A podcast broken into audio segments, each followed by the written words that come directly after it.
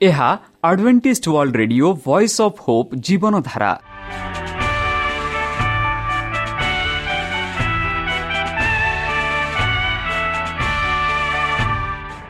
Odia radio କାର୍ଯ୍ୟକ୍ରମ ଯାହା ଆମର ଆନ୍ତର୍ଜାତୀୟ ଆଘାତ କେନ୍ଦ୍ରରୁ ପ୍ରସାରଣ କରାଯାଉଛି ପ୍ରତିଦିନ ରାତି ନଅଟା ତିରିଶ ମିନିଟ୍ରେ। ମୁଁ ସୁବ୍ରତ କୁମାର ପତି ପ୍ରେମର ସହ ଆପଣମାନଙ୍କୁ ଏହି କାର୍ଯ୍ୟକ୍ରମକୁ ସ୍ୱାଗତ କରୁଅଛି। ଚାଲନ୍ତୁ ଆଜିର ତିରିଶ ମିନିଟ୍ର କାର୍ଯ୍ୟକ୍ରମ ବିଷୟରେ ଜାଣିନେବା। ପ୍ରଥମେ ରଖିଛୁ ଆଧ୍ୟାତ୍ମିକ ଭକ୍ତିମୟ ଗୀତ। ଏହାପରେ ଶୁଣିବା ସ୍ୱାସ୍ଥ୍ୟ ବିଷୟରେ ଯାହା ଆମର ଦୈନିକ ଜୀବନରେ ଅତ୍ୟନ୍ତ ଜରୁରୀ। ଆଉ ପରିଶେଷରେ ଶୁଣିବା ପରମେଶ୍ୱରଙ୍କ ଭକ୍ତଙ୍କଠାରୁ ଜୀବନଦାୟକ ଈଶ୍ୱରଙ୍କ ବାକ୍ୟ। ପ୍ରିୟ ଶ୍ରୋତା ତାହେଲେ ଚାଲନ୍ତୁ ଶୁଣିବା ଏକ ଆଧ୍ୟାତ୍ମିକ ଭକ୍ତିମୟ ଗୀତ।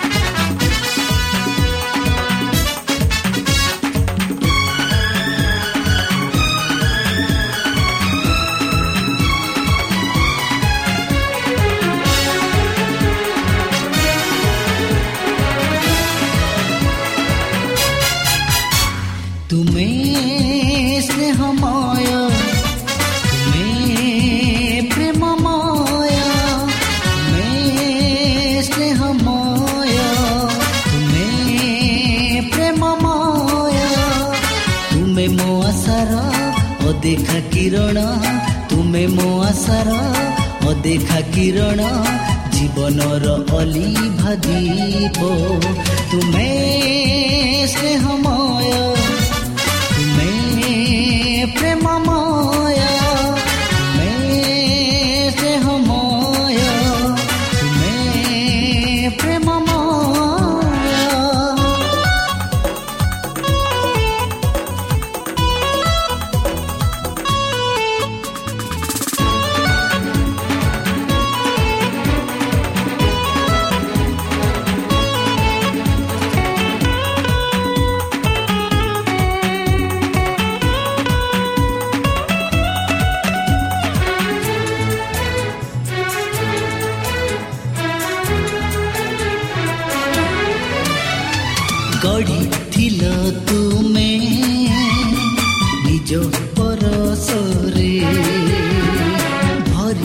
दिलों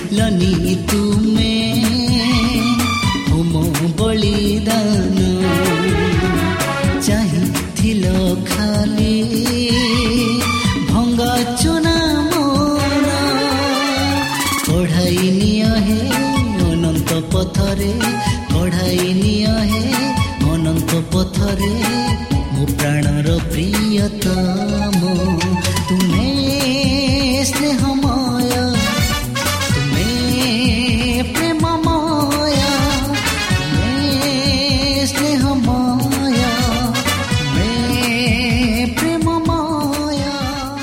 तुम्हें आम ठेकना Adventist Media Centre SDA mission compound Salisbury Park Pune ଚାରି ଏକ ଏକ ଶୂନ ବା ଖୋଲନ୍ତୁ ଆମର ୱେବସାଇଟ୍ ଯେକୌଣସି Android phone smartphone desktop laptop କିମ୍ବା ଟ୍ୟାବ୍ଲେଟ୍ ଆମର website W W W dot A W R dot O R G slash O R I ଏବଂ W W W dot Adventist Media Centre India dot O R G ବର୍ତ୍ତମାନ ଚାଲନ୍ତୁ ଶୁଣିବା ଈଶ୍ୱରଙ୍କ ଭକ୍ତଙ୍କଠାରୁ ଈଶ୍ୱରଙ୍କ ଜୀବନଦାୟକ ବାକ୍ୟ ଅନୁତାପ ଚୋର ସ୍ୱର୍ଗକୁ ଗଲା କି ଭାଗ ଦୁଇ। ନମସ୍କାର ପ୍ରିୟ ଶ୍ରୋତା। ସେହି ସର୍ବଶକ୍ତି ସର୍ବଜ୍ଞାନୀ ପ୍ରେମର ସାଗର ଦୟାମୟ ଅନ୍ତର୍ଜମୀ ଅନୁଗ୍ରହ ପରମ ପିତାଙ୍କ ମଧୁର ନାମରେ ମୁଁ ପାଷ୍ଟ ପୂର୍ଣ୍ଣଚନ୍ଦ୍ର ଆଉ ଥରେ ଆପଣମାନଙ୍କୁ ଏହି କାର୍ଯ୍ୟକ୍ରମରେ ସ୍ୱାଗତ କରୁଅଛି। ସେହି ସର୍ବଶକ୍ତି ପରମେଶ୍ୱର ଆପଣମାନଙ୍କୁ ଆଶୀର୍ବାଦ କରନ୍ତୁ। ଆପଣଙ୍କୁ ସେ ଆପଣଙ୍କ ସମସ୍ତ ମନୋକାମନା ପୂର୍ଣ୍ଣ କରନ୍ତୁ। ଆପଣଙ୍କୁ ସମସ୍ତ ପ୍ରକାର ଦୁଃଖ କଷ୍ଟ ବାଧା କ୍ଲେଶ ଓ ରୋଗରୁ ଦୂରେଇ ରଖନ୍ତୁ। ଶତ୍ରୁ ସୟତାନ ହସ୍ତରୁ ସେ ଆପଣଙ୍କୁ ସୁରକ୍ଷାରେ ରଖନ୍ତୁ। ତାହାଙ୍କ ପ୍ରେମ ତାହାଙ୍କ ସ୍ନେହ ତାହାଙ୍କ କୃପା ତାହାଙ୍କ ଅନୁଗ୍ରହ ସଦାସର୍ବଦା ଆପଣଙ୍କଠାରେ ସହବର୍ତ୍ତୀ ରହୁ। ପ୍ରିୟସୋତା ଚାଲନ୍ତୁ ଆଜି ଆମ୍ଭେମାନେ କିଛି ସମୟ ପବିତ୍ର ଶାସ୍ତ୍ର ବାଇବଲଠୁ ତାହାଙ୍କ ଜୀବନଦାୟକ ବାକ୍ୟ ଧ୍ୟାନ କରିବା। ଆଜିର ଆଲୋଚନା ହେଉଛି ଅନୁତାପ ଚୋର ସ୍ୱର୍ଗକୁ ଗଲା କି? ଭାଗ ଦୁଇ। ଗତକାଲି ଆମେ ଆଲୋଚନା କରିଥିଲୁ ଏହାର ଭାଗ ଏକ। ଆଉ ବିଶେଷ ଭାବରେ କେଉଁମାନେ ସ୍ୱର୍ଗରାଜକୁ ଯିବେ ଆଉ ସ୍ୱର୍ଗରାଜରେ କି ପ୍ରକାର ଅନୁଭବ କରିବେ ତାହା ବିଷୟରେ ଆମେ ଗତକାଲି ଆଲୋଚନା କରିଥିଲୁ। ତାହେଲେ ଚାଲନ୍ତୁ ଏହି ଧ୍ୟାନକୁ ଆମେ ଆଗକୁ ବଢ଼ାଇବା ଏହି ଆଲୋଚନାକୁ ଆମେ ଆଗକୁ ବଢ଼ାଇବା। ଯେପରି ସ୍ୱର୍ଗରାଜ୍ୟରେ ଯେପରି ଆମେ ଏକ ସ୍ଥାନ ପାଇପାରିବା ଯୀଶୁଖ୍ରୀଷ୍ଟଙ୍କ ବିଷୟରେ ଦୂତଙ୍କ ବିଷୟରେ ସଦାପ୍ରଭୁ ପରମେଶ୍ୱରଙ୍କ ବିଷୟରେ ଅଧିକ ରୂପେ ଜାଣିବା। ଚାଲନ୍ତୁ ଆଉ ଥରେ ଆମେ ପଢ଼ିବା ପ୍ରକାଶିତ ବାଇଶ ଏକ ଟୁ ପାଞ୍ଚ। ଯେଉଁଥିରେ ଆମେ କାଲି ବନ୍ଦ କରୁଥିଲୁ। ଚାଲନ୍ତୁ ଆଉ ଥରେ ତାକୁ ପଢ଼ିବା। ଏଠି ପ୍ରକାଶିତ ବାଇଶ ଏକ ଟୁ ପାଞ୍ଚରେ ଆମେ ପାଉଛୁ ଏକରେ ପାଉଛୁ ପରେ ସେ ମୋତେ ଜୀବନଦାୟକ ଜଳର ଗୋଟିଏ ନଦୀ ଦେଖାଇଲେ। ତାହା ସଠିକ ସଦୃଶ୍ୟ ଜଳ ପୁଣି ଈଶ୍ୱର ଓ ମଣିଷଙ୍କ ସିଂହାସନ ନିର୍ଗତ ହୋଇ ନଗରର ପଥର ମଧ୍ୟ ଦେଇ ପ୍ରଭାବିତ ହୋଇଅଛି। ଏହା ଆମେ ଗତକାଲି ପଢ଼ିସାରିଛୁ ଆଲୋଚନା କରିସାରିଛୁ। ତାହେଲେ ଆମେ ଦେଖୁଛୁ ଦୁଇ ପଦରେ ସେହି ନଦୀର ଉଭୟ ପାର୍ଶ୍ୱରେ ଦ୍ୱାଦଶ ରଥର ଫଳଦାୟକ ଜୀବନ ବୃକ୍ଷ ଅଛି। ସେଥିରେ ପ୍ରତି ମାସରେ ଫଳ ଫଲେ ପୁଣି ସେହି ବୃକ୍ଷର ଫଳ ଜାତି ସମୂହର ଆରୋଗ୍ୟକର କୌଣସି ଅଭିଶପ୍ତ ବିଷୟ ଆଉ ରହିବ ନାହିଁ। ଈଶ୍ୱର ଓ ମେଷସବଙ୍କ ସିଂହାସନ ନଗରୀ ମଧ୍ୟରେ ରହିବ। ଆଉ ତାହାଙ୍କ ଦାସମାନେ ତାହାଙ୍କ ଉପାସନା କରିବେ। ବନ୍ଧୁ କେଡ଼େ ସୁନ୍ଦର ବାକ୍ୟ ଏହା। କେଡ଼େ ସୁନ୍ଦର ଭାବରେ ଏମାନଙ୍କୁ କହୁଅଛି। ଯେଉଁ ନଦୀର ବିଷୟରେ ଆମେ ଜୀବନଦାୟକ ନଦୀ ବିଷୟରେ ଗତକାଲି ଆମେ ଆଲୋଚନା କଲୁ ସେହି ଜୀବନଦାୟକ ନଦୀ ଉଭୟ ପାର୍ଶ୍ୱରେ ମାନେ ଦୁଇ ପଟରେ। ଦ୍ୱାସ ଦ୍ୱାଦଶ ଥର ବା ବାର ଥର ଫଳଦାୟକ ଜୀବନ ବୃକ୍ଷ ଅଛି। ମାନେ ବାର ମାସରେ ବାର ଫଳର ଜୀବନଦାୟକ ବୃକ୍ଷ ଅଛି। ଆଉ ସେଥିରେ ପ୍ରତି ମାସରେ ଫଳ ଫଲେ ମାନେ ପ୍ରତି ମାସରେ ବାର ମାସରେ ଫଳ ଫଲେ ଆଉ ସେହି ପୁଣି ସେହି ବୃକ୍ଷର ପତ୍ର ଜାତି ସମୂହର ଆରୋଗ୍ୟକାରକ କୌଣସି ଅଭିଶାପ୍ତ ବିଷୟ ଆଉ ରହିବ ନାହିଁ। ଈଶ୍ୱର ଓ ମେଷସାବଙ୍କ ସିଂହାସନ ଘର ମଧ୍ୟରେ ରହିବ। ଆଉ ତାହାଙ୍କ ଦାସମାନେ ତାହାଙ୍କ ଉପବାସ ଉପାସନା କରିବେ। ବନ୍ଧୁ କେଡ଼େ ସୁନ୍ଦର ଭାବରେ ଏଠି ଆମେ ପାଉଅଛୁ।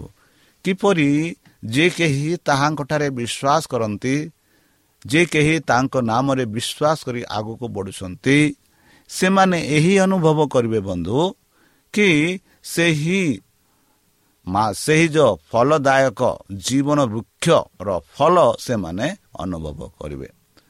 ଆଉ ଯେଉଁ ଫଳ କି ବାର ମାସରେ ବାର ଥର ଫଳେ ଆଉ ସେହି ଫଳ ସେହି ଜୀବନଦାୟକ ନଦୀରେ ସେ ଜୀବନଦାୟକ ବୃକ୍ଷର ଫଳ ଆଉ ସେଇ ବୃକ୍ଷ ସେଇ ଜୀବନଦାୟକ ନଦୀର ଦୁଇ ପାର୍ଶ୍ୱରେ ଅଛି।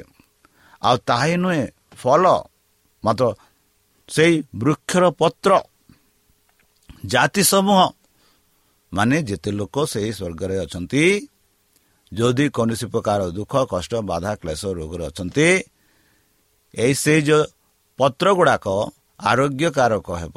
ମାନେ ଆଉ କିଛି ରୋଗ ଥିବ ନାହିଁ। କିଛି ଦୁଃଖ ଥିବ ନାହିଁ କଷ୍ଟ ଥିବ ନାହିଁ। ଆଉ ସେ ସମୟରେ ମଧ୍ୟ କୌଣସି ଅଭିଶାପ ବିଷୟ ରହିବ ନାହିଁ ବୋଲି ଆମେ ଦେଖୁଅଛୁ। ଆଉ ଏଇ ଯେଉଁ ବୃକ୍ଷ ଏଇ ଯେଉଁ ନଦୀ ଦେଖି ଏକ ପଦରେ ଆମେ ଦେଖୁଛୁ ଈଶ୍ୱର ଓ ବେଶ ଶାବଙ୍କ ସିଂହାସନ ନଗରୀ ମଧ୍ୟରେ ରହିବ। ବାହାରେ ନୁହେଁ ସେଇ ନଗରୀ ମଧ୍ୟରେ ରହିବ। ଆଉ ଏହି ଯେଉଁ ନଦୀର ବୃକ୍ଷ ଏଇ ଯେଉଁ ନଦୀର ପାଣି ପାନ କରିବା ପାଇଁ ଏଇ ଯେଉଁ ନଦୀର ଦୁଇ କୂଳରେ ଚାଲିବା ପାଇଁ ଏଇ ଯେଉଁ ପତ୍ର ଦେଖିବା ପାଇଁ ଏଇ ଯେଉଁ ସୌନ୍ଦର୍ଯ୍ୟ ଫଳ ଖାଇବାର ଅନୁଭବ କରିବା ପାଇଁ ଏକ ସୁଯୋଗ ବନ୍ଧୁ ଆଉ ସେଇ ଯେଉଁ ବୃକ୍ଷ ଯିଏକି ଜୀବନଦାୟକ ବୃକ୍ଷର ଫଳ ଖାଇବାର ଏକ ସୁଯୋଗ ସେଇ ପାଣି ପିଇବାର ଏକ ସୁଯୋଗ ତା ଛାଇଁରେ ବସିବାର ଏକ ସୁଯୋଗ ଯାହା ପତ୍ର ଖାଇବାର ଏକ ସୁଯୋଗ ଆଉ ସେଇ ସୁଯୋଗ ହେଉଛି ଯେଉଁମାନେ ସେହି ମେଷ ଶାବକ ବା ଯୀଶୁଖ୍ରୀଷ୍ଟଙ୍କ ଠାରେ ବିଶ୍ୱାସ କରନ୍ତି ସେହି ପିତା ପୁତ୍ରଙ୍କ ଠାରେ ବିଶ୍ୱାସ କରନ୍ତି ଯୀଶୁଖ୍ରୀଷ୍ଟଙ୍କ ମରଣ ବିଷୟରେ ବିଶ୍ୱାସ କରନ୍ତି ତାଙ୍କ ପୁନରୁତ୍ଥାନ ବିଷୟରେ ବିଶ୍ୱାସ କରନ୍ତି ତାଙ୍କ ଆଗମନ ବିଷୟରେ ବିଶ୍ୱାସ କରନ୍ତି ତାଙ୍କ ଦଶ ଆଜ୍ଞା ମାନଙ୍କର ମାନ ଚାଲନ୍ତି ସେମାନଙ୍କୁ ଏହି ସୁଯୋଗ ଦିଆଯିବେ ଦିଆଯିବ। ଆଉ ସେଇ ସୁଯୋଗ ହେଉଛି ସେଇ ଜୀବନଦାୟକର ବୃକ୍ଷର ଫଳ ଖାଇବା ଆଉ ସେ ଜୀବନଦାୟକର ନଦୀର ଜଳ ପିଇବା। ଆଉ ଏଇ ଯେଉଁ ନଦୀ କେଉଁଠାରେ ଅଛି? ସେହି ନଗରରେ ଅଛି। ଯେଉଁ ନଗରରେ? ଯୀଶୁ ପିତା ଆଉ ପୁତ୍ର ପବିତ୍ର ଆତ୍ମା ବାସ କରନ୍ତି ଆଉ ସେଇ ନଗରରେ ଏହି ଯେଉଁ ନଦୀ ଅଛି ବୋଲି ଆମେ ଦେଖୁଅଛୁ ଆଉ ସେଇ ଚାରି ପଦରେ ଆମେ ଦେଖୁଅଛୁ ଜହନ ତାର ବାଇଶ ଚାରିରେ ସେମାନେ ତାହାଙ୍କ ମୁଖ ଦର୍ଶନ କରିବେ ଓ ତାହାଙ୍କ ନାମ ସେମାନଙ୍କ କପାଳରେ ଲିଖିତ ରହିବ। ଦେଖନ୍ତୁ ବନ୍ଧୁ ଦର୍ଶନ ଦେଖିବା। ଆମେ ବେଲେ ବେଲେ ହୋଇପାରେ ଆମ ଦେଶର ରାଜନୀ ଆମ ଦେଶର ପ୍ରଧାନମନ୍ତ୍ରୀର ମୁଖ ଦେଖିବା ପାଇଁ ଆମେ ଇଚ୍ଛା କରିଥାଉ। ବା ହୋଇଥାଏ କୌଣସି ପ୍ରକାର ରାଜନୀତି ନେତାମାନଙ୍କ ମୁଖ ଦେଖିବା ପାଇଁ ଆମେ ଚେଷ୍ଟା କରିଥାଉ। ହୋଇପାରେ ଆମ ସଂସାରରେ ଯେତେ ଲୋକ ଅଛନ୍ତି ବଡ଼ ବଡ଼ ନେତାମାନେ ଆଉ ନାଟକ ନାଟିକୀମାନେ ସେମାନଙ୍କ ଚେହେରା ଦେଖିବା ପାଇଁ ଆମେ ଚେଷ୍ଟା କରିଥାଉ ବେଳେ ବେଳେ ଆମେ ବିଫଳ ହୋଇଥାଉ। ମାତ୍ର ଏଠି ଆମ ଯେଉଁ ସୃଷ୍ଟିକର୍ତ୍ତା ଜୀବନ ଦାୟକ ଆମ ଯେଉଁ ଯୀଶୁ ଖ୍ରୀଷ୍ଟ ଯେ କୃଷରେ ହତ ହେଲେ ତାହାଙ୍କ ଚେହେରା ତାହାଙ୍କ ମୁଖାମୁଖି ଆମେ ଦେଖିବୁ ବୋଲି ଏଠି ଜହନ ସ୍ପଷ୍ଟ ରୂପେ ଆମମାନଙ୍କୁ ବୁଝାଇ କହୁଅଛନ୍ତି ବନ୍ଧୁ। କେଡ଼େ ସୌନ୍ଦର୍ଯ୍ୟ କେତେ ସୌଭାଗ୍ୟ କେତେ ଭାଗ୍ୟ ଏହା କି ଆମେ ସଦାପ୍ରଭୁଙ୍କ ମୁଖ ଦେଖିବା ଯୀଶୁଖ୍ରୀଷ୍ଟଙ୍କ ମୁଖ ଦେଖିବା ପବିତ୍ରଙ୍କ ପବିତ୍ର ଆତ୍ମାଙ୍କ ସହ ଆମେ ଚାଲିବା ଦୂତମାନଙ୍କ ସହ ଚାଲିବା ଏଇଟା କେଡ଼େ ସବୁ ଭାଗ୍ୟର କଥା ବନ୍ଧୁ। ଆମେ କେବେ ବି ଭାବିବା କି କି ପ୍ରଧାନମନ୍ତ୍ରୀ ସହ ଆମେ ହାତ ମିଲେଇ ଚାଲିବା କି ରାଷ୍ଟ୍ରପତି ସହ ଆମେ ହାତ ମିଲେଇ ଚାଲିବା ଚାଲିପାରିବା? ନା ନା ଏଟା ଏଇଟା ବହୁତ ଅସମ୍ଭବ। ମାତ୍ର ସଦାପ୍ରଭୁ ପରମେଶ୍ୱର ଏହିପରି ଆଶ୍ୱାସନା ଦେଉଛନ୍ତି କି ଆମେ ସେଇ ଜୀବନଦାୟକର ବୃକ୍ଷର ଫଳ ଖାଇବା ସେଇ ନଦୀର ଜୀବନଦାୟକ ନଦୀର ପାଣି ପିଇବା ସେହି ଜୀବନଦାୟକର ପତ୍ର ଆମ ଆରୋଗ୍ୟ ପାଇଁ ଖାଇବା ତାଙ୍କ ସହ ରହିବା ବୋଲି ଆମମାନଙ୍କୁ କହୁଅଛି। ଏହା ଏକ ସୌନ୍ଦର୍ଯ୍ୟ ସୁଯୋଗ। ବନ୍ଧୁ ଏଇ ଯେଉଁ ସୁଯୋଗ ଆମେ ମୋଟେ ହରାଇବାର ନୁହଁ। ଯେପରି ଜହନ ତାର ଚଉଦ ଏକ ଠୁ ତିନିରେ ଆମେ ପାଉଛୁ ଯେପରି ଯୀଶୁ ଖ୍ରୀଷ୍ଟ ଯେତେବେଳେ ଏଇ ପୃଥିବୀରେ ଥିଲେ ଆପଣ ଶିଷ୍ୟମାନଙ୍କୁ ଆଶ୍ୱାସନା ଦେଇ କହିଲେ କି ତୁମେ ଦୁଃଖ କର ନାହିଁ ଦୁଃଖିତ ହୁଅ ନାହିଁ ମୁଁ ଅଳ୍ପ ଦିନ ପାଇଁ ତୁମଠାରେ ରହିବି ତାପରେ ମରଣ ହେବି ତାପରେ ସ୍ୱର୍ଗରାଜ ଯିବି। ଆଉ ଯେଉଁ ରାଜ୍ୟକୁ ମୁଁ ଯାଉଅଛି ସେଇ ସେଇ ସ୍ୱର୍ଗ ରାଜ୍ୟରେ ତୁମମାନଙ୍କ ପାଇଁ ଏକ ଗୃହ ନିର୍ମାଣ କରୁଅଛି। ଆଉ ଯେବେ ସେଇ ଗୃହଟା ସମାପ୍ତ ହେବ ନିର୍ମାଣ କରିବାର ମୁଁ ଆସିବି ତୁମମାନଙ୍କୁ ନେଇ ଯିବି। ଆଉ ଯେଉଁ ସ୍ଥାନରେ ମୁଁ ଅଛି ସେହି ସ୍ଥାନରେ ତୁମମାନେ ରହିବେ ବୋଲି ଯୀଶୁ ଖ୍ରୀଷ୍ଟ ଆଶ୍ୱାସନା ଦେଇ କହିଲେ ଚାଲନ୍ତୁ ଜହନ ଚଉଦ ଏଇଠୁ ତିନି ଆମେ ପଢ଼ିବା। ତୁମମାନଙ୍କର ହୃଦୟ ଉଦ୍ବିଗ୍ନ ନ ହେଉ। ତୁମମାନେ ଈଶ୍ୱରଙ୍କ ଠାରେ ବିଶ୍ୱାସ କର ମୋ ଠାରେ ମଧ୍ୟ ବିଶ୍ୱାସ କର। ଦେଖ ସୁନ୍ଦର କହୁଛି ତୁମର ହୃଦୟ ଉଦ୍ବିଗ୍ନ ହେବ କଷ୍ଟରେ ରଖ ନାହିଁ। ତୁମେ ଖାଲି ଦୁଇଟା ଜିନିଷ କର। ପ୍ରଥମ ଜିନିଷ ହେଉଛି ମୋ ଠାରେ ବିଶ୍ୱାସ କର। ଦୁଇଟା ଜିନିଷ ହେଉଛି ପରମେଶ୍ୱରଙ୍କଠାରେ ବିଶ୍ୱାସ କର। କାରଣ ମୋର ପିତାଙ୍କ ଗୃହରେ ଅନେକ ବାସସ୍ଥାନ ଅଛି। ଯଦି ନଥାନ୍ତା ତାହେଲେ ମୁଁ ତୁମମାନଙ୍କୁ କହିନଥାନ୍ତି। ମୁଁ ତୁମମାନଙ୍କ ନିମନ୍ତେ ସ୍ଥାନ ପ୍ରସ୍ତୁତ କରିବାକୁ ଯାଉଅଛି। ପୁଣି ମୁଁ ଯାଇ ତୁମମାନଙ୍କ ନିମନ୍ତେ ସ୍ଥାନ ପ୍ରସ୍ତୁତ କଲେ ପୁନର୍ବାର ଆସିବି। ଆଉ ମୁଁ ଯେଉଁ ସ୍ଥାନରେ ଥାଏ ତୁମମାନେ ମଧ୍ୟ ସେହିପରି ସେହି ସ୍ଥାନରେ ରହିବ। ସେଥି ନିମନ୍ତେ ତୁମମାନଙ୍କୁ ଆପଣା ନିକଟକୁ ଘେନିଯିବି ବନ୍ଧୁ କେଡ଼େ ସୁନ୍ଦର ଭାବରେ ଯୀଶୁଖ୍ରୀଷ୍ଟ ଆପଣା ଶିଷ୍ୟମାନଙ୍କୁ ବୁଝେଇ କହୁଛନ୍ତି। ସ୍ପଷ୍ଟ ରୂପରେ କହୁଛନ୍ତି କି ତୁମେ ଦୁଃଖ କରଣେ ମୁଁ ଅଳ୍ପ ସମୟ ପାଇଁ ପୃଥିବୀରୁ ଛାଡ଼ିଦେବି। ଆଉ ମୁଁ ଯେଉଁ ଜାଗାକୁ ଯାଉଛି ତୁମମାନଙ୍କ ପାଇଁ ଏକ ସୁନ୍ଦର ବାସସ୍ଥାନ ପ୍ରସ୍ତୁତ କରୁଛି। ଯେହେତୁ ମୋ ପିତାଙ୍କ ଗୃହରେ ତୁମ ପିତାଙ୍କ ଜାଗାରେ ଅନେକ ଗୃହ ଅଛି ଅନେକ ଘର ଅଛି ଅନେକ ବାସସ୍ଥାନ ଅଛି। ଆଉ ସେଇ ଯେଉଁ ବାସସ୍ଥାନ ଗୁଡ଼ାକ ପ୍ରସ୍ତୁତ ହେବ ଆଉ ଥରେ ମୁଁ ଆସିବି। ଆସି ତୁମମାନଙ୍କୁ ଘେନି ନେବି ତୁମମାନଙ୍କୁ ସେଠି ନେଇଯିବି। ଆଉ ଯେଉଁ ଜାଗାରେ ମୁଁ ରହିବି ସେଇ ଜାଗାରେ ତୁମେ ରହିବ। କେଡ଼େ ସୁନ୍ଦର ଭାବରେ ଯୀଶୁ ଖ୍ରୀଷ୍ଟ ଆପଣା ଶିଷ୍ୟମାନଙ୍କୁ ବୁଝାଇ କହିଲେ। ଆଉ ସେହି କଥା ଆମମାନଙ୍କୁ ମଧ୍ୟ ଲାଗୁ ହେଉଛି କି ଆମେ ଉଦ୍ବିଗ୍ନ ହେବାକୁ ନାହିଁ। ଏହି ପୃଥିବୀରେ ଆମେ ଅଳ୍ପ ସମୟ ବାସ କରିବା ଯେହେତୁ ଆମ ପିତା ସେହି ସ୍ୱର୍ଗରାଜକୁ ଯାଇ ଅଛନ୍ତି ଆଉ ମାନଙ୍କ ପାଇଁ ସେ ଏକ ସୌନ୍ଦର୍ଯ୍ୟ ବାସସ୍ଥାନ ପ୍ରସ୍ତୁତ କରୁଛନ୍ତି ଆଉ ସେହି ଯେଉଁ ବାସସ୍ଥାନ ପ୍ରସ୍ତୁତ କରିବାର ଶେଷ ହେବ ନିର୍ମାଣ କରିବାର ଶେଷ ହେବ ସେ ନିଶ୍ଚିତ ରୂପେ ଆସିବେ ଆମମାନଙ୍କୁ ତାଙ୍କ ଘରକୁ ଘେନି ନେବେ। ଏହା ତାଙ୍କର ଆଶ୍ୱାସନା କ'ଣ ତାଙ୍କ ଘର ତାଙ୍କ ସହ ତାଙ୍କ ଘରେ ରହିବା ପରେ ଆପଣ ଇଚ୍ଛା କରୁଛନ୍ତି କି? ହଁ ବନ୍ଧୁ ମୁଁ ଇଚ୍ଛା କରୁଛି। ମୁଁ ସ୍ୱର୍ଗରାଜ ଯିବାରେ ଇଚ୍ଛା କରୁଛି। ଯେହେତୁ ସ୍ୱର୍ଗରାଜରେ ପରମ ପିତା ଯୀଶୁଖ୍ରୀଷ୍ଟ ମୋ ପାଏ ମୋ ପରିବାର ପାଏ ଏକ ସୌନ୍ଦର୍ଯ୍ୟ ଗୃହ ସୌନ୍ଦର୍ଯ୍ୟ ବାସସ୍ଥାନ ପ୍ରସ୍ତୁତ କରୁଛନ୍ତି। ହୋଇପାରେ ଏହି ପୃଥିବୀରେ ମୋର ଘର ନାହିଁ ରହିବା ପାଇଁ ଜାଗା ନାହିଁ। ମୁଁ ଧନୀଙ୍କ ପରି ବଡ଼ ବଡ଼ କୋଠ ଘର କୋଠାରେ ଘର ବାନ୍ଧି ନପାରେ ହୋଇପାରେ ଛୋଟ ଛୋଟ କୁଡ଼ିଆ ଘରରେ ବାସ ବାସ କରିପାରେ। ମାତ୍ର ମୋ ପାଇଁ ମୋ ପିତା ଏକ ସୌନ୍ଦର୍ଯ୍ୟ ଗୃହ ନିର୍ମାଣ କରୁଛନ୍ତି ଯେଉଁଠାରେ ମୋ ମୋର ପରିବାର ବାସ କରିବ। କ'ଣ ଆପଣମାନେ ଚାହୁଁଛନ୍ତି କି ସେଇ ସୌନ୍ଦର୍ଯ୍ୟ ଗୃହରେ ବାସ କରିବା ପାଇଁ? ତାହେଲେ ନିଜ ମନ ଆତ୍ମା ଦେଇ ତାଙ୍କଠାରେ ବିଶ୍ୱାସ କର। ଜନ ଉଣେଇଶ ଏକତିରିଶ ଟୁ ତେତିଶ ଆଉ ଥରେ ସେ କହନ୍ତି ଏହିପରି ସେହିଦିନ ଆୟୋଜନ ଦିନ ଥିବାରୁ ଶରୀର ଗୁଡ଼ିକ ଯେପରି ବିଶ୍ରାମ ବାରରେ କୃଷ ପରେ ନ ରହେ କାରଣ ସେହି ବିଶ୍ରାମ ବାର ମହାଦିନ ଥିଲା ସେଥିପାଇଁ ସେମାନଙ୍କ ଗୋଡ଼ ଭଙ୍ଗାଯାଇ ଓ ସେମାନେ ଅନ୍ୟ ସ୍ଥାନକୁ ନିଆଯାଉ ତୁ ବୋଲି ଯେଉଁମାନେ ପିତାଲଙ୍କ ଅନୁରୋଧ କଲେ ବନ୍ଧୁ ମୁଁ ଆର ପ୍ରାରମ୍ଭରେ କହିସାରିଛି କି ଯେବେ ଯୀଶୁଖ୍ରୀଷ୍ଟଙ୍କୁ କୃଷରେ ଟଙ୍ଗାଗଲା ସେହି ସମୟରେ ତାଙ୍କ ବା ଡା ପକ୍ଷରେ ଦୁଇ ଚୋରମାନଙ୍କୁ ମଧ୍ୟ ଟଙ୍ଗାଗଲେ। ମାତ୍ର ବର୍ତ୍ତମାନ ଆମେ ଦେଖୁଅଛୁ ଏହି ପଦ ଦ୍ୱାରା କି ସେହି ଦିନ ଥିଲା ବିଶ୍ରାମ ଦିନ ଆୟୋଜନ ଦିନ ପ୍ରସ୍ତୁତ ଦିନ ମାନେ ସେହି ଦିନ ଥିଲା ଶୁକ୍ରବାର ଦିନ। ଆଉ ଶୁକ୍ରବାର ଦିନରେ ସନ୍ଧ୍ୟାରେ ବିଶ୍ରାମ ଦିନ ଆରମ୍ଭ ହୁଏ ଆଉ ବିଶ୍ରାମ ଦିନ ବା ଆରମ୍ଭ ଶନିବାର ଦିନ ଆର ଆରମ୍ଭ ହେଉଅଛି ସେ ଯୋଗୁଁ ଯେଉଁ ଯେଉଁ ଶୀଘ୍ର ଯେଉଁଦୀମାନେ ପିଲାତଙ୍କୁ ଅନୁରୋଧ କଲେ କି ସେହି ସ୍ଥାନରୁ ଅନ୍ୟ ସ୍ଥାନକୁ ସେମାନଙ୍କୁ ନିଆଯାଉ କାରଣ ସେମାନେ ମରିନାହାନ୍ତି ମାତ୍ର ଆମେ ଦେଖୁଅଛୁ କି ସେଇ ଯେଉଁ ଦୁଇ ଚୋରମାନଙ୍କର ଗୋଡ଼ ଭାଙ୍ଗାଗଲା ଭଙ୍ଗାଗଲା ଆଉ ସେମାନେ ମରିଲେ ଆମେ ଦେଖୁଅଛୁ ଯୀଶୁ ଖ୍ରୀଷ୍ଟ ସେ ସମୟକୁ ମରିଯାଇଥିଲେ ବନ୍ଧୁ ଅତ ଏବେ ସୈନ୍ୟମାନେ ଆସି ପ୍ରଥମ ଜଣକର ଗୋଡ଼ ଓ ତାହା ସହିତ ଯେଉଁ ଜଣଙ୍କ କୃଷରେ ଯୋଡ଼ା ଯାଇଥିଲା ତାହାର ଗୋଡ଼ ମଧ୍ୟ ଭାଙ୍ଗି ଦେଲେ। ମାତ୍ର ସେମାନେ ଯୀଶୁଙ୍କ ନିକଟକୁ ଆସି ସେ ମରିଗଲେ ବୋଲି ଦେଖି ତାହାଙ୍କ ଗୋଡ଼ ଭାଙ୍ଗିଲେ ନାହିଁ। ମୁଁ ଏହା କହିସାରିଛି ବନ୍ଧୁ।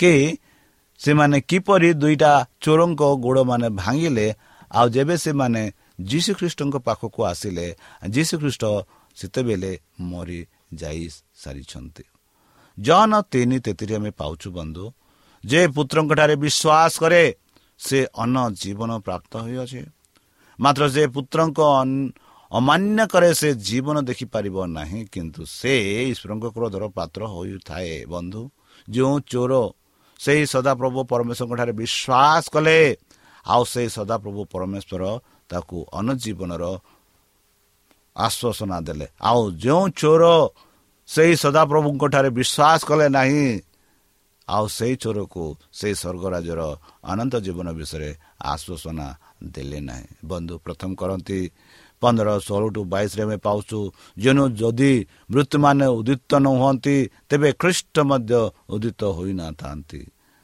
ଆଉ ଯଦି ଖ୍ରୀଷ୍ଟ ଉଦିତ ହୋଇ ନାହାନ୍ତି ତେବେ ତୁମାନଙ୍କର ବିଶ୍ୱାସ ନିଷ୍କଳ। ଆଉ ତୁମାନେ ଏପର୍ଯ୍ୟନ୍ତ ଆପନା ଆପନା ପାପରେ ଅଛ। ତାହେଲେ ଯେଉଁମାନେ ଖ୍ରୀଷ୍ଟଙ୍କଠାରେ ମହାନିଦ୍ରା ପ୍ରାପ୍ତ ହୋଇଅଛନ୍ତି ସେମାନେ ମଧ୍ୟ ବିନଷ୍ଟ ହୋଇଅଛନ୍ତି ଯଦି କେବଳ ଏହି ଜୀବନ ନିମନ୍ତେ ଆମେମାନେ ଖ୍ରୀଷ୍ଟଙ୍କଠାରେ ଭରସା ରଖିଅଛୁ ତେବେ ସମସ୍ତ ମଣିଷଙ୍କଠାରୁ ଆମେମାନେ ଦୁର୍ଭାଗ୍ୟ କିନ୍ତୁ ପ୍ରକୃତରେ ଖ୍ରୀଷ୍ଟ ମହାନିଧିର ପ୍ରାପ୍ତ ଲୋକମାନଙ୍କ ପ୍ରଥମ ଫଳ ସ୍ୱରୂପେ ମୃତ୍ୟୁମାନଙ୍କ ମଧ୍ୟରୁ ଉଦିତ ହୋଇଅଛନ୍ତି। କାରଣ ମନୁଷ୍ୟ ଦ୍ୱାରା ମୃତ୍ୟୁ ଉପସ୍ଥିତ ହୋଇଥିବାରୁ ମନୁଷ୍ୟ ଦ୍ୱାରା ମଧ୍ୟ ମୃତ୍ୟୁମାନଙ୍କ ପୁନରୁତ ହୋଇଅଛି। ଯେଣୁ ଆଦମ ଦ୍ୱାରା ଯେପରି ସମସ୍ତେ ମୃତ୍ୟୁ ଭୋଗ କରନ୍ତି ସେହିପରି ମଧ୍ୟ କୃଷ୍ଣଙ୍କ ଦ୍ୱାରା ସମସ୍ତ ଜୀବିତ ହେବେ। ବନ୍ଧୁ କେଡ଼େ ସୁନ୍ଦର ଭାବରେ ସାଧୁ ପାଉଲ ଆମମାନଙ୍କୁ ପ୍ରଥମ କରନ୍ତି ପନ୍ଦର ଷୋହଳ ଟୁ ବାଇଶ ପର୍ଯ୍ୟନ୍ତ ବୁଝାଉ ବୁଝାଇ କହୁଛନ୍ତି କି ସେହି ଯୀଶୁ ଖ୍ରୀଷ୍ଟ ଯଦି ଯାହା ଆପଣା ଶିଷ୍ୟମାନଙ୍କୁ କହିଥିଲେ ତାହା ଯଦି ନ ହୋଇଥାନ୍ତା ହେଲେ ଆମର ତାଙ୍କଠାରେ ବିଶ୍ୱାସର ଏକ ବୃଥା ହୋଇଥାନ୍ତା। ସେ କହନ୍ତି ମୃତ୍ୟୁ ମାନେ ଯଦି ଉନ୍ନତି ନ ହୁଅନ୍ତି ତେବେ ଖ୍ରୀଷ୍ଟ ମଧ୍ୟ ପୁନରୁତ ହୁଅନ୍ତି ନାହିଁ କାହିଁକି ଯେହେତୁ ଖ୍ରୀଷ୍ଟ ଯଦି ପୁନରୁତ ହୋଇନଥାନ୍ତେ ମୃତ୍ୟୁମାନେ ବି ହେବେ ନାହିଁ ଯଦି ଖ୍ରୀଷ୍ଟ ଉଦିତ ହୋଇ ନାହାନ୍ତି ତେବେ ଆମର ଯେଉଁ ବିଶ୍ୱାସ ବର୍ତ୍ତମାନ ଆମେ କହୁଅଛୁ ରେଡ଼ିଓ ମଧ୍ୟ ଦ୍ୱାରା ପ୍ରଚାର କରୁଅଛୁ ଏହିସବୁ ହେଉଛି ଏକ ବିନଷ୍ଟକାର ଏହା ହେଉଛି ଏକ ବୃଥା ବୋଲି ସାଧୁପାଲ କହନ୍ତି ମାତ୍ର ସେ ଏକ ଆଶ୍ୱାସନା ଦେଇ କହନ୍ତି ଯେଉଁମାନେ ଖ୍ରୀଷ୍ଟଙ୍କଠାରେ ମହାନିଦ୍ରା ପ୍ରାପ୍ତ ହୋଇଛନ୍ତି ସେମାନେ କେବେ ବିନଷ୍ଟ ହେବେ ନାହିଁ ଯେହେତୁ ସେମାନେ ଖ୍ରୀଷ୍ଟଙ୍କଠାରେ ବିଶ୍ୱାସ କରିଛନ୍ତି କାରଣ ଖ୍ରୀଷ୍ଟ ପୁନରୁଚିତ ହୋଇଅଛନ୍ତି ଖ୍ରୀଷ୍ଟ ବର୍ତ୍ତମାନ ସ୍ୱର୍ଗରାଜ ଯାଇଛନ୍ତି ଆଉ ଯେହେତୁ ଆମେ ତାର ଶେଷ ପଦରେ ଆମେ ଦେଖୁଅଛୁ କି କାରଣ ମନୁଷ୍ୟ ଦ୍ୱାରା ମୃତ୍ୟୁ ଉପସ୍ଥିତ ହୋଇଥିବାରୁ ମନୁଷ୍ୟ ଦ୍ୱାରା ମଧ୍ୟ ମୃତ୍ୟୁମାନଙ୍କ ପୁନରୁତ୍ଥାନ ଉପସ୍ଥିତ ହୋଇଅଛି। ତା ପୂର୍ବରେ ଆମେ ଦେଖୁଛୁ କି ଯଦି କେବଳ ଏହି ଜୀବନ ନିମନ୍ତେ ଆମେମାନେ ଖ୍ରୀଷ୍ଟଙ୍କଠାରେ ଭରସା ରଖିବୁ ତେବେ ସମସ୍ତ ମନୁଷ୍ୟଙ୍କଠାରୁ ଆମେମାନେ ଦୁର୍ଭାଗ୍ୟ। କିନ୍ତୁ ପ୍ରକୃତରେ ଖ୍ରୀଷ୍ଟ ମହାନିଧିର ପ୍ରାପ୍ତ ଲୋକମାନଙ୍କ ପ୍ରଥମ ଫଳ ସ୍ୱରୂପେ ମୃତ୍ୟୁମାନଙ୍କ ମଧ୍ୟରୁ ଉଦିତ ହୋଇଅଛନ୍ତି। ବନ୍ଧୁ ଯେତେ ଲୋକ ସେହି ପୃଥିବୀ ସୃଷ୍ଟିରୁ ଖ୍ରୀଷ୍ଟଙ୍କ ସମୟରେ ମୃତ୍ୟୁ ହୋଇଥିଲେ ସେ ପର୍ଯ୍ୟନ୍ତ ଆମେ ଦେଖୁଅଛୁ ସେମାନେ କେବେ ହେଲେ ପୁନରୁଦ୍ଧିତ ହୋଇନାହାନ୍ତି। ମାତ୍ର ଯେବେ ଯୀଶୁଖ୍ରୀଷ୍ଟ କୃଷରୁ ହତ ହେଲା ପରେ ତାହାଙ୍କୁ ସେହି ସମାଧିରୁ ସମାଧିକୁ ନିଆଗଲା। ଆଉ ତୃତୀୟ ଦିନରେ ଯେବେ ଯୀଶୁଖ୍ରୀଷ୍ଟ ପୁନରୁଦ୍ଧିତ ହେଲେ ଆଉ ସେହି ସମୟରେ ଯୀଶୁଖ୍ରୀଷ୍ଟ ଏକ ପ୍ରଥମ ସ୍ୱରୂପ ପ୍ରଥମ ଫଳ ସ୍ୱରୂପରେ ପରମେଶ୍ୱରଙ୍କଠାରେ ସମ୍ମୁଖୀନ ହୋଇଥିଲେ। ପରମେଶ୍ୱରଙ୍କଠାରେ ସମର୍ପଣ କରି ସମର୍ପଣ ହୋଇଥିଲେ ବନ୍ଧୁ। ତାହେଲେ ଆମ ପ୍ରଭୁ ଯୀଶୁଖ୍ରୀଷ୍ଟ ଯିଏକି ଆମମାନଙ୍କ ପାଇଁ ଜୀବନ ଦାନ ଦେଇଛନ୍ତି ମୃତ୍ୟୁ ହୋଇଛନ୍ତି ମୃତ୍ୟୁଭୋଗ କରୁଛନ୍ତି ଆଦମ ହବା ପରମେଶ୍ୱର ତାଙ୍କୁ ସୃଷ୍ଟି କଲେ ଆପଣା ପ୍ରତିରୂପରେ ପ୍ରତିରୂପରେ ଆଉ ସେମାନେ ତାଙ୍କ ପ୍ରତିରୂପକୁ ହରାଇ ଦେଲେ ଶୈତାନର ପ୍ରଲୋଭନରେ ପଡ଼େ। ଆଉ ସେମାନଙ୍କୁ ଉଦ୍ଧାର କରିବା ନିମନ୍ତେ ଯୀଶୁଖ୍ରୀଷ୍ଟ ଏହି ପୃଥିବୀକୁ ଆସିଲେ। ଆଉ ଯେ କେହି ଆଦମ ହବାଙ୍କ ଠାରୁ ଜାତ ହୋଇଛନ୍ତି ସେମାନେ ମୃତ୍ୟୁଶୀଳ। ଆଉ ଯେ କେହି ଯୀଶୁଖ୍ରୀଷ୍ଟଙ୍କଠାରେ ବିଶ୍ୱାସ କରୁଛନ୍ତି ସେମାନେ ଅମରଶୀଳ ହେବେ। ଯେହେତୁ ଯୀଶୁଖ୍ରୀଷ୍ଟଙ୍କ ଦ୍ୱାରା ସେହି ଅମରଶୀଳତା ଆଣିଲା ଯୀଶୁଖ୍ରୀଷ୍ଟ ହିଁ ସେହି ପୁନରୁଚିତ ହୋଇଅଛନ୍ତି। ଆଉ ତାଙ୍କ ଦ୍ୱାରା ହିଁ ଆମେ ଜୀବନ ପ୍ରାପ୍ତ ହୋଇପାରିବା। ତାହେଲେ ବନ୍ଧୁ ଚାଲନ୍ତୁ। ସେହି ଯୀଶୁଖ୍ରୀଷ୍ଟ ଯିଏକି ଆମମାନଙ୍କ ପାଇଁ ଜୀବନ ଦାନ ଦେଲେ ସେହି ଯୀଶୁଖ୍ରୀଷ୍ଟ ଯିଏକି ସେହି ଚୋରକୁ ଆଶ୍ୱାସନା ଦେଇ କହିଲେ କି ମୁଁ ଆଜି ତୁମକୁ କହୁଅଛି ତୁମେ ମୋ ଠାରେ ସ୍ୱର୍ଗରେ ବାସ କରିବ ବୋଲି। ସେହି ଆଶ୍ୱାସନା ବର୍ତ୍ତମାନ ଯୀଶୁଖ୍ରୀଷ୍ଟ ଆମମାନଙ୍କୁ ବି ଦେଉଅଛନ୍ତି। ତାହେଲେ ପ୍ରିୟସତା ଚାଲନ୍ତୁ। ସେହି ଯୀଶୁଖ୍ରୀଷ୍ଟଙ୍କଠାରେ ଆମେ ତାଙ୍କ ନାମରେ ବିଶ୍ୱାସ କରିବା ତାଙ୍କ ବାକ୍ୟ ଅନୁସାରେ ଆମେ ଚାଲିବା। ଯେପରିକି ଆମେ ସେହି ଜୀବନଦାୟକ ବୃକ୍ଷର ଫଳ ଖାଇବା ସେହି ଜୀବନଦାୟକର ଜଳର ପାଣି ପିଇବା ଆଉ ସେହି ସଦାପ୍ରଭୁଙ୍କଠାରେ ସଦାସର୍ବଦା ଆମେ ବାସ କରିପାରିବା। ଏହି ଧ୍ୟାନରେ ଚାଲନ୍ତୁ ନିଜକୁ ସମର୍ପଣ କରି ତାହାଙ୍କ ମଧୁର ନାମରେ ଆମେ ପ୍ରାର୍ଥନା ଉତ୍ସର୍ଗ କରିବା। ହେ ଆମମାନଙ୍କ ସର୍ବଶକ୍ତି ସର୍ବଜ୍ଞାନୀ ପ୍ରେମର ସାଗର ଦୟାମୟ ଅନ୍ତର୍ଜମୀ ଅନୁଗ୍ରହ ପରମ ପିତା।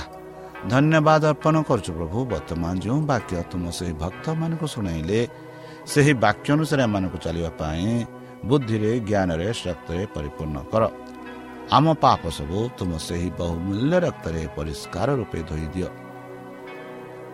ଆମମାନଙ୍କୁ ବୁଦ୍ଧିରେ ଜ୍ଞାନରେ ଶକ୍ତିରେ ପରିପୂର୍ଣ୍ଣ କର ଆଉ ପରିଶେଷ ଯେବେ ତୁମେ ତୁମ ସେହି ସହସ୍ର ଦୂତଙ୍କ ସହ ଆପଣା ସାଧୁମାନଙ୍କୁ ସଂଗ୍ରହ କରିବା ନିମନ୍ତେ ଆସିବେ ସେତେବେଳେ ଆମମାନଙ୍କୁ ଏକ ବାସସ୍ଥାନ ଦିଅ ବୋଲି ତ୍ରାଣକର୍ତ୍ତା ପ୍ରଭୁ ଯୀଶୁଙ୍କ ବନ୍ଦ୍ରମୟ ନାମରେ ଏହି ଛୋଟ ବିକ୍ଷମ ଅଛି ଶୁଣି ଗ୍ରହଣ କର ଶ୍ରୋତା ଆମେ ଆଶା କରୁଛୁ ଯେ ଆମର କାର୍ଯ୍ୟକ୍ରମ ଆପଣମାନଙ୍କୁ ପସନ୍ଦ ଲାଗୁଥିବ। ଆପଣଙ୍କର ମତାମତ ଜଣାଇବା ପାଇଁ ଆମର ଏହି ଠିକଣାରେ ଯୋଗାଯୋଗ କରନ୍ତୁ। ଆମ ଠିକଣା Adventist Media Centre SDA mission compound Salisbury Park Pune ଚାରି ଏକ ଏକ ଶୂନ ତିନି ସାତ ମହାରାଷ୍ଟ୍ର। ବା ଖୋଲନ୍ତୁ ଆମର ୱେବସାଇଟ୍ ଯେକୌଣସି Android phone smartphone desktop laptop କିମ୍ବା ଟ୍ୟାବ୍ଲେଟ୍ ଆମର website W W W dot A W R dot O R G slash O R I ଏବଂ W W W dot Adventist Media Centre India dot O R G Adventist Media Centre ଇଣ୍ଡିଆର spelling ହେଉଛି A D V E N T I S T M E D I A C E N T R E I N D I A ଅଥବା download କରନ୍ତୁ ଆମର mobile app ଆପଣଙ୍କର mobile play ଷ୍ଟୋରକୁ ଯାଆନ୍ତୁ ଆଉ type କରନ୍ତୁ the Voice of Hope ଆଉ download କରନ୍ତୁ। ଈଶ୍ୱର ଆପଣଙ୍କୁ ଆଶୀର୍ବାଦ କରନ୍ତୁ। ଧନ୍ୟବାଦ।